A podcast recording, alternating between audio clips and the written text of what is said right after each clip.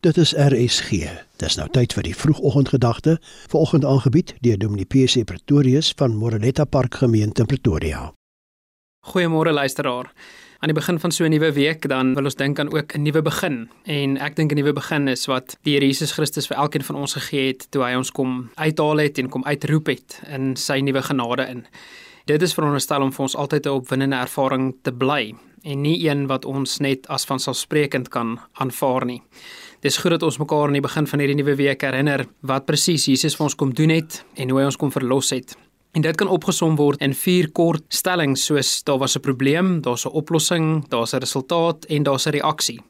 Die probleem weet ons was dat as gevolg van sonde is daar 'n breek gewees tussen ons en die Here. 'n Groot gaping tussen mens en God wat sonde kom veroorsaak het. En miskien het jy al gevoel dat jy 'n bietjie ver van God af is. As jy het, is jy nie alleen nie. Ek dink ons almal voel soms so En wat laat ons ver van God voel? Jesaja 59 vers 1 en 2 gee vir ons 'n rede daarvoor en dan sê dit dit is julle oortredinge wat skeiding gebring het tussen julle en julle God. Dit is julle sondes wat maak dat hy hom nie aan julle steur nie en nie julle wil luister nie. Maar die skeiding tussen God en mense is 'n realiteit, want God is heilig en ons is nog nie. God is geregtig en ons is nog nie. Ons almal het sonde wat skeiding bring tussen ons en God. Romeine 3:23 sê dit ook vir ons dat ons nie deel het aan die heerlikheid van God nie en dat die loon wat die sonde gee is die dood. Maar Romeine 6 sê die genadegawe wat God gee is die ewige lewe in Christus Jesus ons Here. Dit bring ons by die oplossing. God se opoffering en Jesus wat in ons plek kom sterf het.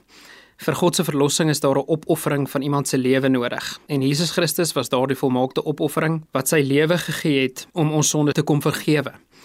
Hy wou nie die ewigheid sonder jou spandeer nie. Sy oplossing was Jesus gewees. Hebreërs 9:28 sê vir ons so is Christus ook net eenmaal geoffer om die sondes van baie weg te neem. As hy die tweede keer verskyn, kom hy nie in verband met sonde nie, maar om verlossing te bring vir die wat hom verwag. Wat presies het aan daardie kruis gebeur? Jesus het in ons plek gesterf en ons sonde op hom geneem en omdat hy die enigste een sonder sonde was, kon hy dit regkry. Hy kon die gaping tussen ons en God kom toemaak. 2 Korintiërs 5:21 bevestig dit. Christus was sonder sonde, maar God het hom in ons plek as sondaar behandel sodat ons deur ons eenheid met Christus deur God vrygespreek kan wees. Dit bring ons by die resultaat. Wat beteken hierdie alles? Ons verlossing en ons versoening.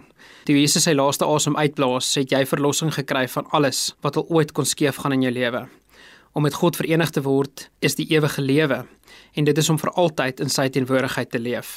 Hy is so lief vir ons dat hy ons nie kon laat verlore gaan nie. Hy wou ons by hom hê. En dit bring ons by die reaksie.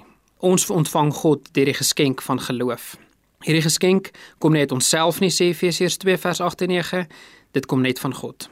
Mag jy in hierdie geskenk vandag leef en weet dat God jou vrygespreek het van alles. Lekker dag.